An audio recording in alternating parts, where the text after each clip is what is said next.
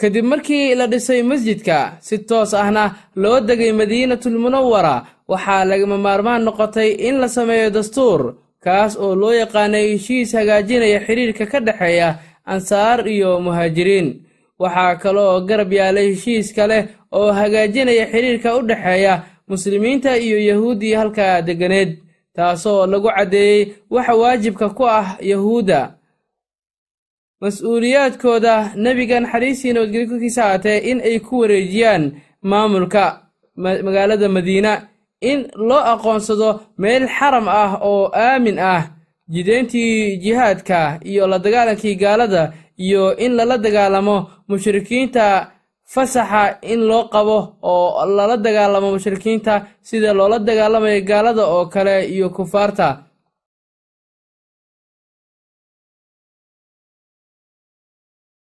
wuxuu ku tiirsanaa nebiga naxariis iyo nabadgelyo korkiisa ahaatee asxaabta markii laga hadlayo nidaaminta dowladda islaamka ee soo kobcaysa iyo maamulkeeda.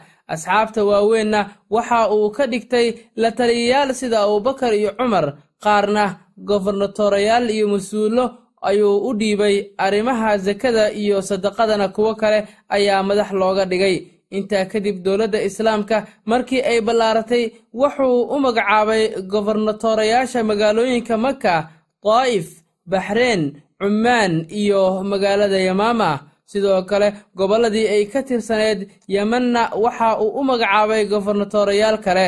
Dadka uu dooranayay dhammaan waxa ay ahaayeen culimmada waaweyn ee asxaabta citaab iyo ibnu zayd waxa uu u doortay maka cali ibnu abi taalibna najraan mucaad ibnu jabalna jund.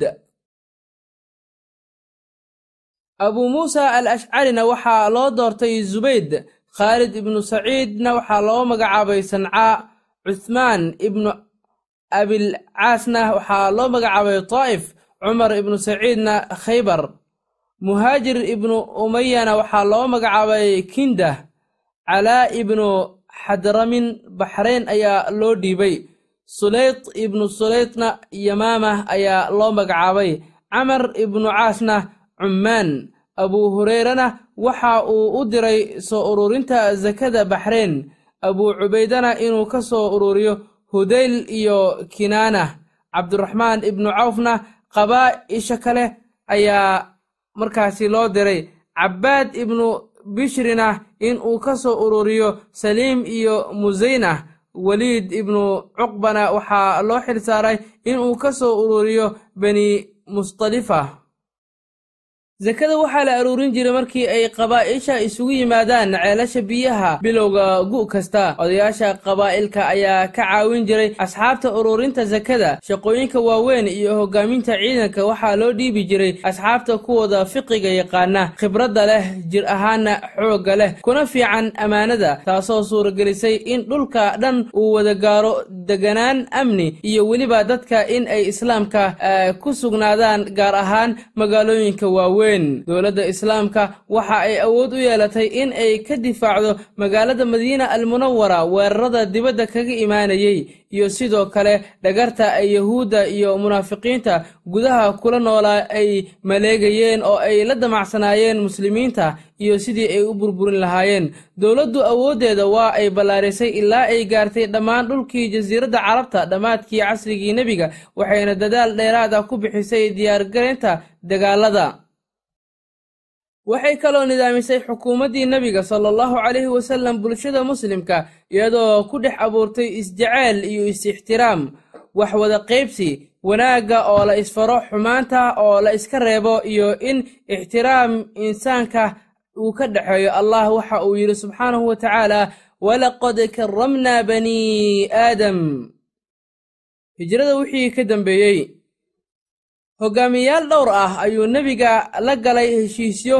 Dadka qaarna waxa uu u qoray ballanqaad ah in aan la taabanaynin sida badiil ibnu warqa busra ibnu camar iyo walaalkii sarwaad ibnu camar iyo sidoo kale aslam ibnu khusaaca waxaana uu u raaciyey aslam ballanqaad ah in uu u gargaari doono. Waxaa aslam la mid ah reer bani kafaar laakiin reer kafaar waxaa lagula ballamay in ay isweydaarsadaan gargaarka ciidan. Waxaa sidoo kale qoraal loo diray naciim ibnu mascuud oo lagula ballamay isbahaysi iyo isuhiilin kadib markii uu nebiga isku dubariday dowlad islaamka iyo arrimaheeda ee uu galay isbahaysiyada. Waxa uu damcay sannadkii labaad ee hijiriyada in uu beegsado quraysh reer bani damrah nebiga waxa uu la baxay ciidan ilaa uu ka gaaray abwaa meesha la yidhaahdo waxa uuna nebiga heshiis la soo galay maqshi ibnu camar oo ka soo jeeda reer bani damrah waxayna ku heshiiyeen inaysan dagaal wadagelin cid kaloo ku soo duushana aysan ku kaalmeenin duulaanka. Markuu wax dhib ah ka waayey meelaha ay degganaayeen reer damrah dib ayuu u soo noqday nebiga isagoo wax dagaal ah aanan gelin intaa kadib nebiga calankii ugu horreeyey waxa uu u dhiibay cubayd ibnu xaaris waxa uuna u diray arrin isagoo ay la socdaan ilaa lixdan nin oo muhaajiriin ah oo hubaysan.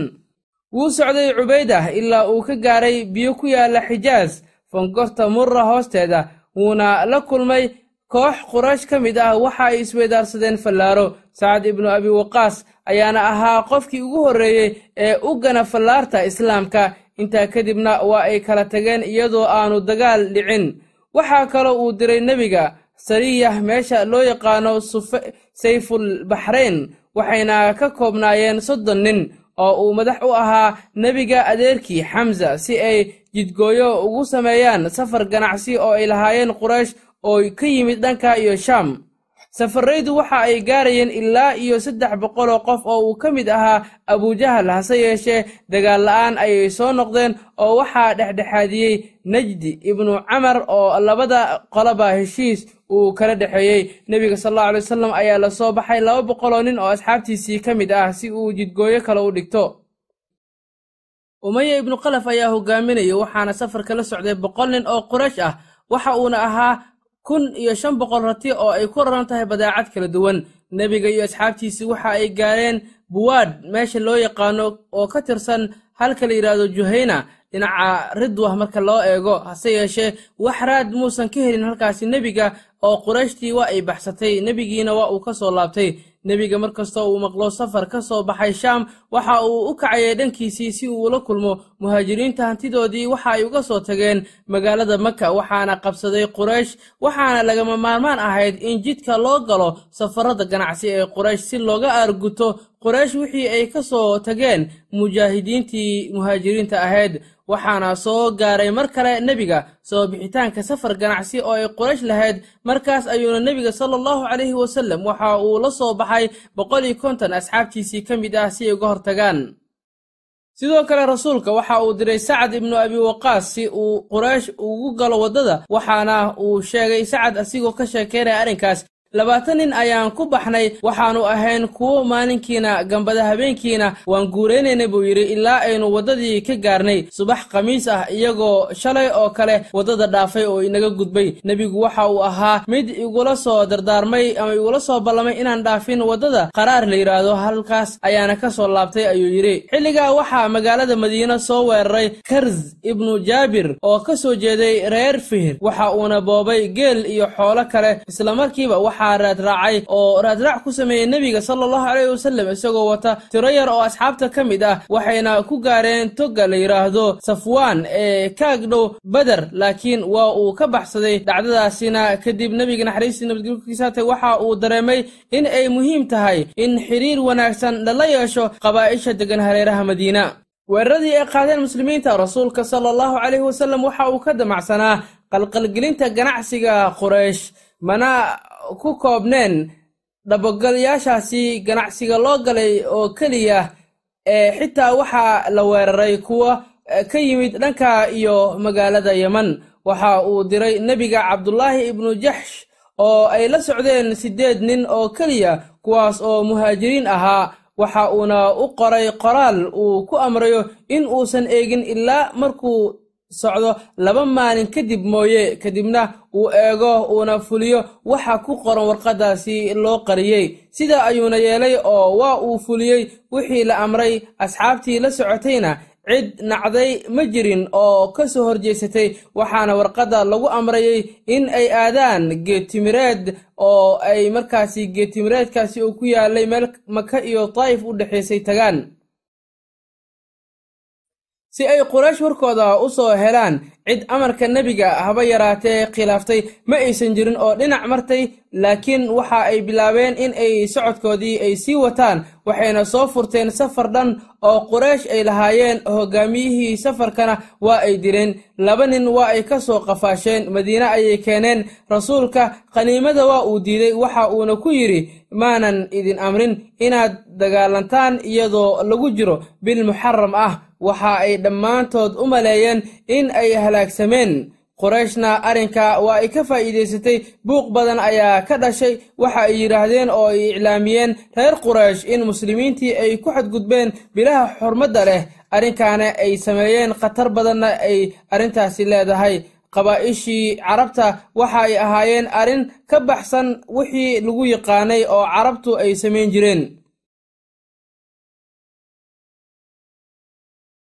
markii uu warkaasi batay waxaa soo degay aayado qur'aan ah. Allah waxa uu yidhi yas'aluunaka can ishahri alxaraami qitaalun fiihi qul qitaalun fiihi kabiirun wasaddun can sabiili illah wa kufrun bihi waalmasjid alxaraam wa ikhraaju ahlihi minhu akbaru cinda allahi waalfitnah walfitnatu akbaru min alqatli walaa yazaaluuna yuqaatiluunakum xataa yaruduukum can diinikum in istataacuu waman yartad minkum can diinihi fayamut wahuwa kaafirun faulaa'ika xabitat acmaaluhum fi ddunyaa waalaakhira waulaa'ika asxaabu nnaari hum fiiha khaaliduun aayadaasi oo soo degtay xilligii ay tashwiish ku fureen quraysh dagaalkii ay galeen nimankii saxaabada ahaa ee jidgooyada u dhigtay raggii safarka ahaa ee quraysh ee ganacsiga hogaaminayey ina aladiina aamanuu waladiina haajaruu wajaahiduu fii sabiili illah ulaa'ika yarjuuna raxmat allahi wallahu kafuurun raxiim. Markii ay soo degeen aayadahani qur'aanka kariimka ah nebiga naxariistii nabadgelyo korkiisa ahaatee waa uu la wareegay qaniimadii kuwii ay soo qabsadeen madax furasho ayay ka qaateen sanadkaasi waa sannadkii labaad ee hijiriyada waxaa soo degay aayadahani waajib ayayna yeelayeen soonka bisha ramadaan. Waxa ay noqotay bisha soonka kadib markii ay muslimiinta si fiican u fahmeen caqiidadooda. Salaadana ay markaasi la qabsadeen ayna u noqotay ilqabowsi salaadii oo ay awaamirtii hore oo allah subxaanahu wa tacaala uu amray ay qaateen una qaateen sidii uu allah u amray oo ay aqbaleen. Kuwo kale ee cusubna ay u diyaar garoobeen sidii ay u qaadan lahaayeen. Wakhtigaasoo munaasab ahayd waxaa soo degay aayadda qur'aan ee ah yaa ayuha aladiina aamanuu kutiba calaykum asiyaam kamaa kutiba cala aladiina min qablikum lacallakum tattaquun. Beder toddobiiyi tobankii bisha ramadaan sannadkii labaad ee hijiriyada nebiga waxa uu ogaaday in uu soo socdo safar ganacsi oo ay leedahay beesha quraysh kana soo socdo dhulka iyo shaam safarkaasi oo uu hogaaminaya abuu sufyaan ninka la yidhaahdo kaas oo ku soo socday magaalada barakaysan ee maka almukarama halkii laga soo ceeriyey asxaabtii rasuulka sala allahu calayhi wasallam oo ay kufaartii ku soo dhibaateeyeen markaasuu nebiga naxariistii nabadgelyo korkiisa ahaatee asxaabtiisa waxa uu ku yidhi waatan oortii qureysheed waxa ayna wadaan xoolaheedii ee ubaxa oo u gala jidka jidgooyo u dhigta oo ka soo dhaca lana dagaalama. Nebiga sala allahu calayhi wasallam ayaa waxa uu sidaa ku yidhi muslimiintii isugu jiray muhaajiriin iyo ansaar ee kula sugnaa magaalada madiina. Muslimiinta waa ay baxeen ayagoo u socdaa in ay safarka ganacsi qabsadaan abuu sufyaan markii uu ogaaday in ay muslimiinta ku soo wajahan yihiin waxa uu qayladhaan u dirsaday reer maka gaaladii quraysh gargaar ayay u soo direen. Abuu sufyaan ayagoo doonaya in ay difaacdaan hantidooda waxayna soo ururiyeen ciidan gaaraya sagaal boqol iyo konton dagaalyahan waxaana ku jiray ciidanka ay soo ururiyeen quraysh dadkeeda waaweyn iyo hoggaankeedii waxayna soo aadeen badbaadinta safarka ganacsi abuu sufyaanna wuu xeeladeystay oo waddo aan la mari jirin ayuu markiiba ku leexday wuuna ka badbaadiyey hantidii uu xambaarsanaa laakiin abuu jahal ayaa kibray oo madaxa waxa uu u taagay sare adeeg ayuuna sameeyey oo waxa uu waxa uu yidhi waxaa igu ballan ah in muslimiinta aynu ka hortagno dagaalna aynu kala hortagno. Waxa uu ku adkaystay in uu gaaro halka loo yaqaano beder asigoo dhahaya waxaa lagama maarmaan ah in aan gowracno geela oo ay dumarku noo qaadaan heesaha si dhammaan carabtu ay noo maqasho. Sidoo kale waxaa lagama maarmaan ah in ay quraysh soo ceshato heybaddeedii kadib markii ay muslimiinta daciifayeen. Nebiga waxa uu la soo baxay saddex boqol afar iyo toban nin oo asxaabtiisii ka mid ah toddobaatan rati oo geel ah iyo laba faras kuwaasoo isku badbedelayay awrta maadaama raggu uu aad uga badnaa awrtii ay wateen. Saddexdii ninba hal rati ayaa ka dhexeeyey oo ay isla fuulayeen ama isla isticmaalayeen waxayna wateen saddex calan oo kale ahaa mid cad oo uu waday muscab ibnu cumeer mid madow oo uu waday cali ibnu abi taalib iyo sidoo kale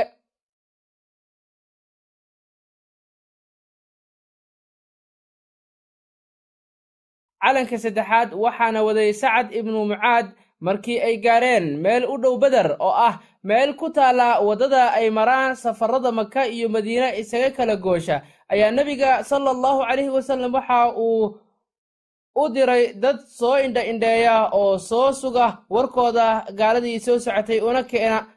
Sala allahu calayhi wasallam wardoonkii waxa uu la soo noqday laba nin oo ay soo qabteen nebiga ayaa waraysi ka qaaday labadii nin. Kadib markii uu salaad uu tukanayay xilligaa ka baxay waxa uu weydiiyey waa meeqo tirada quraysh waxay dhaheen ma naqaano waxa uu weydiiyey maalinkii meeqo geel ah ayaad qalataan. Waxa ay ku jawaabeen sagaal ama toban. Waxa uu nebigu ku yidhi qowmkiisii muslimiinta ahaa quraysh tiradoodu waxa ay u dhexaysaa sagaal boqol ilaa kun sidaas ayuuna nebiga ku gartay tirada. Waxa uu mar kale weydiiyey dadkii dagaalka ka soo aaday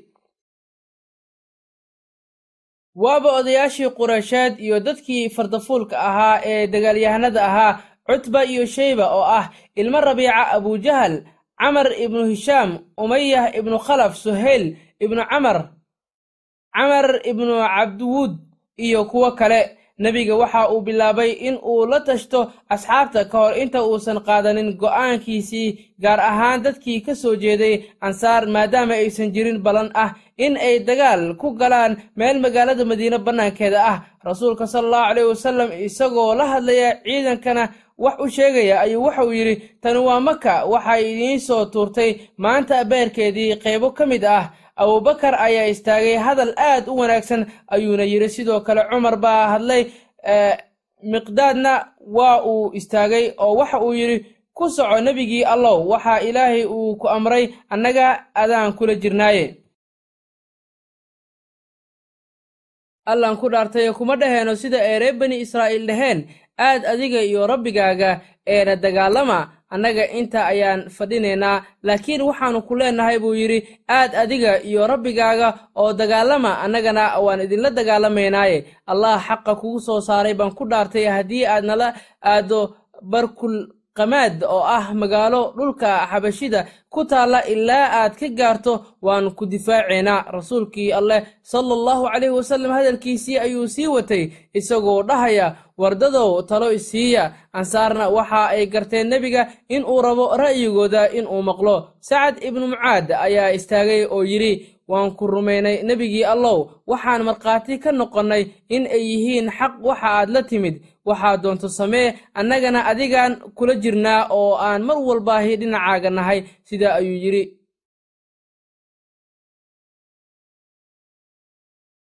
Asigoo sii raaciyey allah xaqa kugu soo saaray ayaan ku dhaartay haddii aad noo soo bandhigto baddan oo aad dhexda ka gasho waan kula gelaynaa ninna kaama daba haraayo ee ku soco barakadii ilaahay.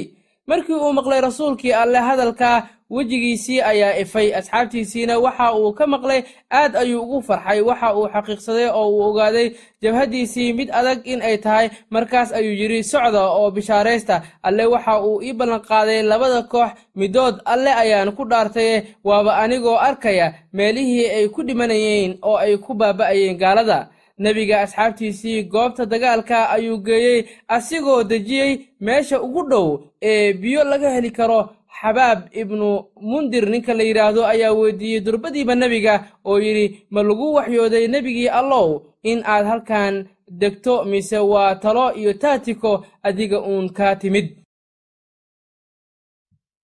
Rasuulkii alle sala allahu calayhi wasallam ayaa yidhi maya ee waa taatiko.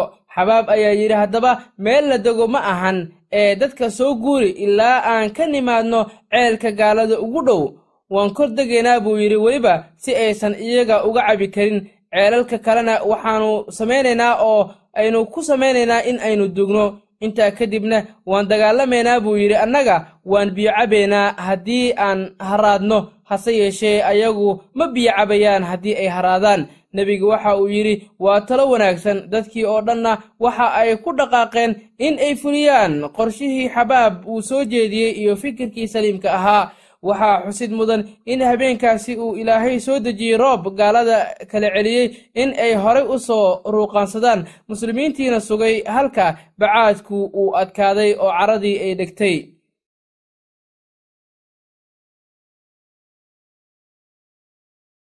sidoo kale alla subxaanahu wa tacaala muslimiinta qalbigooda waxa uu ka dhigay mid deggan oo xasiloon. Alle waxa uu yidhi id yukshiikum annucaasa amnatan minhu wayunazila calaykum min alsamaa'i maa'an liyutahhirakum bihi wayudhib cankum rijza ashaytaan waliyarbita calaa quluubikum wayuthbita bihi alaqdaam cali isagoo sifaynaya xaalka muslimiinta ay ku sugnaayeen kolkii ay joogeen xerada ciidanka dhexdiisa habeenkii dagaalka. Waxa uu leeyahay oo uu yidhi waxaan arkay maalinkii beder nebiga naxariistii nabadgelyo korkiisa aatee marka laga soo tago oo laga soo reebo asiga dhammaan dadkii kale ee saxaabada ahaa muslimiintii mujaahidiinta ahaa dagaalyahanadii iyo ciidankii u soo baxay in ay ka hortagaan gaalada. Oo beder yimid waxa ay ahaayeen kuwo hurdaya oo jiifa nebiga unbaa soo jeeday oo xilligaasi aan wax hurdo ah hurdeenin. Intii kalena waxay ahaayeen kuwo jiifa xilligaasi nebiga waxa uu ahaa mid ku tukanaya geed hoostii allah ayuuna baryayay ilaa laga soo gaaray. Waa berigii roob fudud ayaa nagu dhacay buu yidhi cali. Habeenkii ducooyinkii nebiga ee habeenkaasi waxaa ka mid ahaa allahayow kooxdan haddaad halaagto laguma caabudayo. Markuu waagu dilaacay ayuu dadkii ugu yeeray salaada subax waxa uuna ku booriyey dagaalka. Sacad ibnu mucaad ayaa soo jeediyey in nebiga loo dhiso cariish sare halkaasna uu ka hogaamiyo ciidanka. Waa la fuliyey ra'yigiisa gaalada ciidankeediina. Waxaa ka dhex dhacay markaasi khilaaf u dhexeeya madaxdii ciidanka. Qaarkood waxa ay soo jeediyeen in dagaalka la iska daayo maadaama safarkii ganacsi uu u badbaaday oo ay xaqiiqowday ujeedkii ay uga soo baxeen. Guryahoodii hase yeeshee abujahal ayaa doonayey in muslimiinta awooddooda la wiiqo dood dheer kadib waxa ay isku raaceen in ay dagaalka galaan. Quraysh subaxdiiba dagaal ayay soo qaaday waxayna degtay meel u dhow xarumihii muslimiinta ay degganaayeen gaalada waxa ay soo direen cumeer ibnu wahab si uu u ogaado tirada ciidanka muslimiinta ay gaarayaan. Waxa uu ku dul wareegaystay ciidankii muslimiinta asigoo u sheegay gaaladii ay wada socdeen in ay gaarayaan ciidankii muslimiinta. Saddex boqol oo nin wax ku dhow qurayshna waxa ay ku yidhaahdeen hadal ku tusinayo caqliga carbeed oo ahaa qureyshay waxaad aragtaan balaayada in ay waddo geeri qoom wax ka naxaayo aysan jirin wax ay leeyihiin ma jiraan seefafkooda mooyaane oo waa dad aan hanti lahayn. Haddii nin aad ka dishaanna ayagana nin ayay idinka dilayaan. Haddii ay idinka dilaan tiradooda in la egna waa balaayo ee bal ka warrama. Sidaas ayay is yidhaahdeen quraysh hubaal idiinma roonataa sidaa ayuuna cumeer waxa uu kaga tegay quraysh saameyn xoog fara badan leh. Gaar ahaan madaxdii qureysheed intoodii badneed waxa ay go'aansadeen in ay dagaalka joojiyaan si arrinkaa uu u fulo abujahalna nin ayay u direen si uu ugu qanciyo ra'yigooda. Dagaalka intaa uusan bilaaban ka hor ayaana lagu kala tegay ra'yiga. Dhanka kale ciidamadii muslimiinta waxa ay ahaayeen kuwo xooggan oo ishaysta waxa ay lahaayeen hal hogaamiye taas ayayna kaga duwanaayeen gaaladii oo aan haysan hogaamiye rasmi ah oo ay ku midaysan yihiin. Inta badan odayaasha iyo ciidankii gaalada waa ay necbaysanayeen abujahal dabadeedna waxa ay bilaabayeen in ay kahsadaan oo ay dhibsadaan. Halka muslimiinta ujeedkoodii uu ahaa in ay faafiyaan diinta islaamka iyo kor noqoshadeeda gaaladuna ay gaalnimada faafinayeen hadafka ugu weyn oo ay muslimiintu lahaayeen waxa uu ahaa sare u qaadidda kelimadii alleh halkaasina waxaa ku cad in ay kala fogaayeen labada ujeed oo ay ku kala dagaalamayeen muslimiintii iyo kufaartii isugu yimid. Dagaalkii beder dagaalkii ayaa ku bilowday sidii uu ku bilaaban jiray oo ah in laysku soo baxo labada dhinac oo ay isu soo diraan. Rag isku dhigma waxaa soo baxay cutbah ibnu rabiica iyo walaalkii shaybah iyo cunugiisii weliid. Markii ay soo istaageen bartamaha labada koox ayay codsadeen in loo soo baxo. Saddex dhallinyaro ansaar ah ayaa u soo baxay waxa ay weydiiyeen idinka kumaa tihiin waxa ay ugu jawaabeen koox ansaar ah waxa ay dhaheen waa dad sharaf leh oo noo dhigma laakiin waxaan rabnaa ilmo adeeradeen nebiga naxariistii nabadgelkiisa ayaa waxa uu yidhi istaag cubaydow xamsa adna istaag cali adna sidoo kale waxa ay dhaheen waa dad sharaf leh oo noo dhigma cubayd oo ahaa midkii ugu horreeyay saddexdooda ayaa waxa uu u baxay cutba. Xamsena shaybe ayuu abbaaray halka cali uu u baxay weliid ibnu cutba cali iyo xamse islamarkiiba waa ay ka takhalluseen oo ay dileen raggii u soo baxay. Ayaga cubayd iyo cutbana waa ay isdhaawaceen kadibna xamse iyo cali ayaa waxa ay dhammaystireen cutba ayagii cubaydna soo qaaday oo asigoo dhaawac culus ah markaasi soo kaxeeyey wuuna shahiiday ugu dambayntii dhaawacii soo gaaray awgii. Intaa kadib labadii ciidan ayaa isku soo dhaqaaqay iyagoo raba in ay dagaalka bilaabaan nebiga ayaase amar ku bixiyey in aan la weerarin cadowga ilaa in uu tilmaan bixiyo mooye. Waayo aad ayaa looga tiro badnaa ciidamadii muslimiinta ee xilligaasi u soo diyaargaroobay dagaalka. Inkastoo fardooleeda muslimiintu ay ka xoog badnaayeen dhanka isbaacsiga marka la yidhaahdo fardooleydii gaaladu ay wateen. Laakiin dagaal guud marka la yidhaahdo gaalada ayay u fiicneed nebiga qorshihiisa waxa uu ahaa in gaalada fursad loo siiyo weerarka kadibna marka ay soo weeraraan oo ay soo dhaqaaqaan leebabka iyo warmaha lagula yaaco oo lagu kala yaaciyo iyadoo la ganayo halkaasna ay ku kala firxadaan dhammaan dadkoodii geesiyada ahaa fardihii ay wateen iyo weerarkii ay soo qaadeen oo kooxba ay dhan u cararto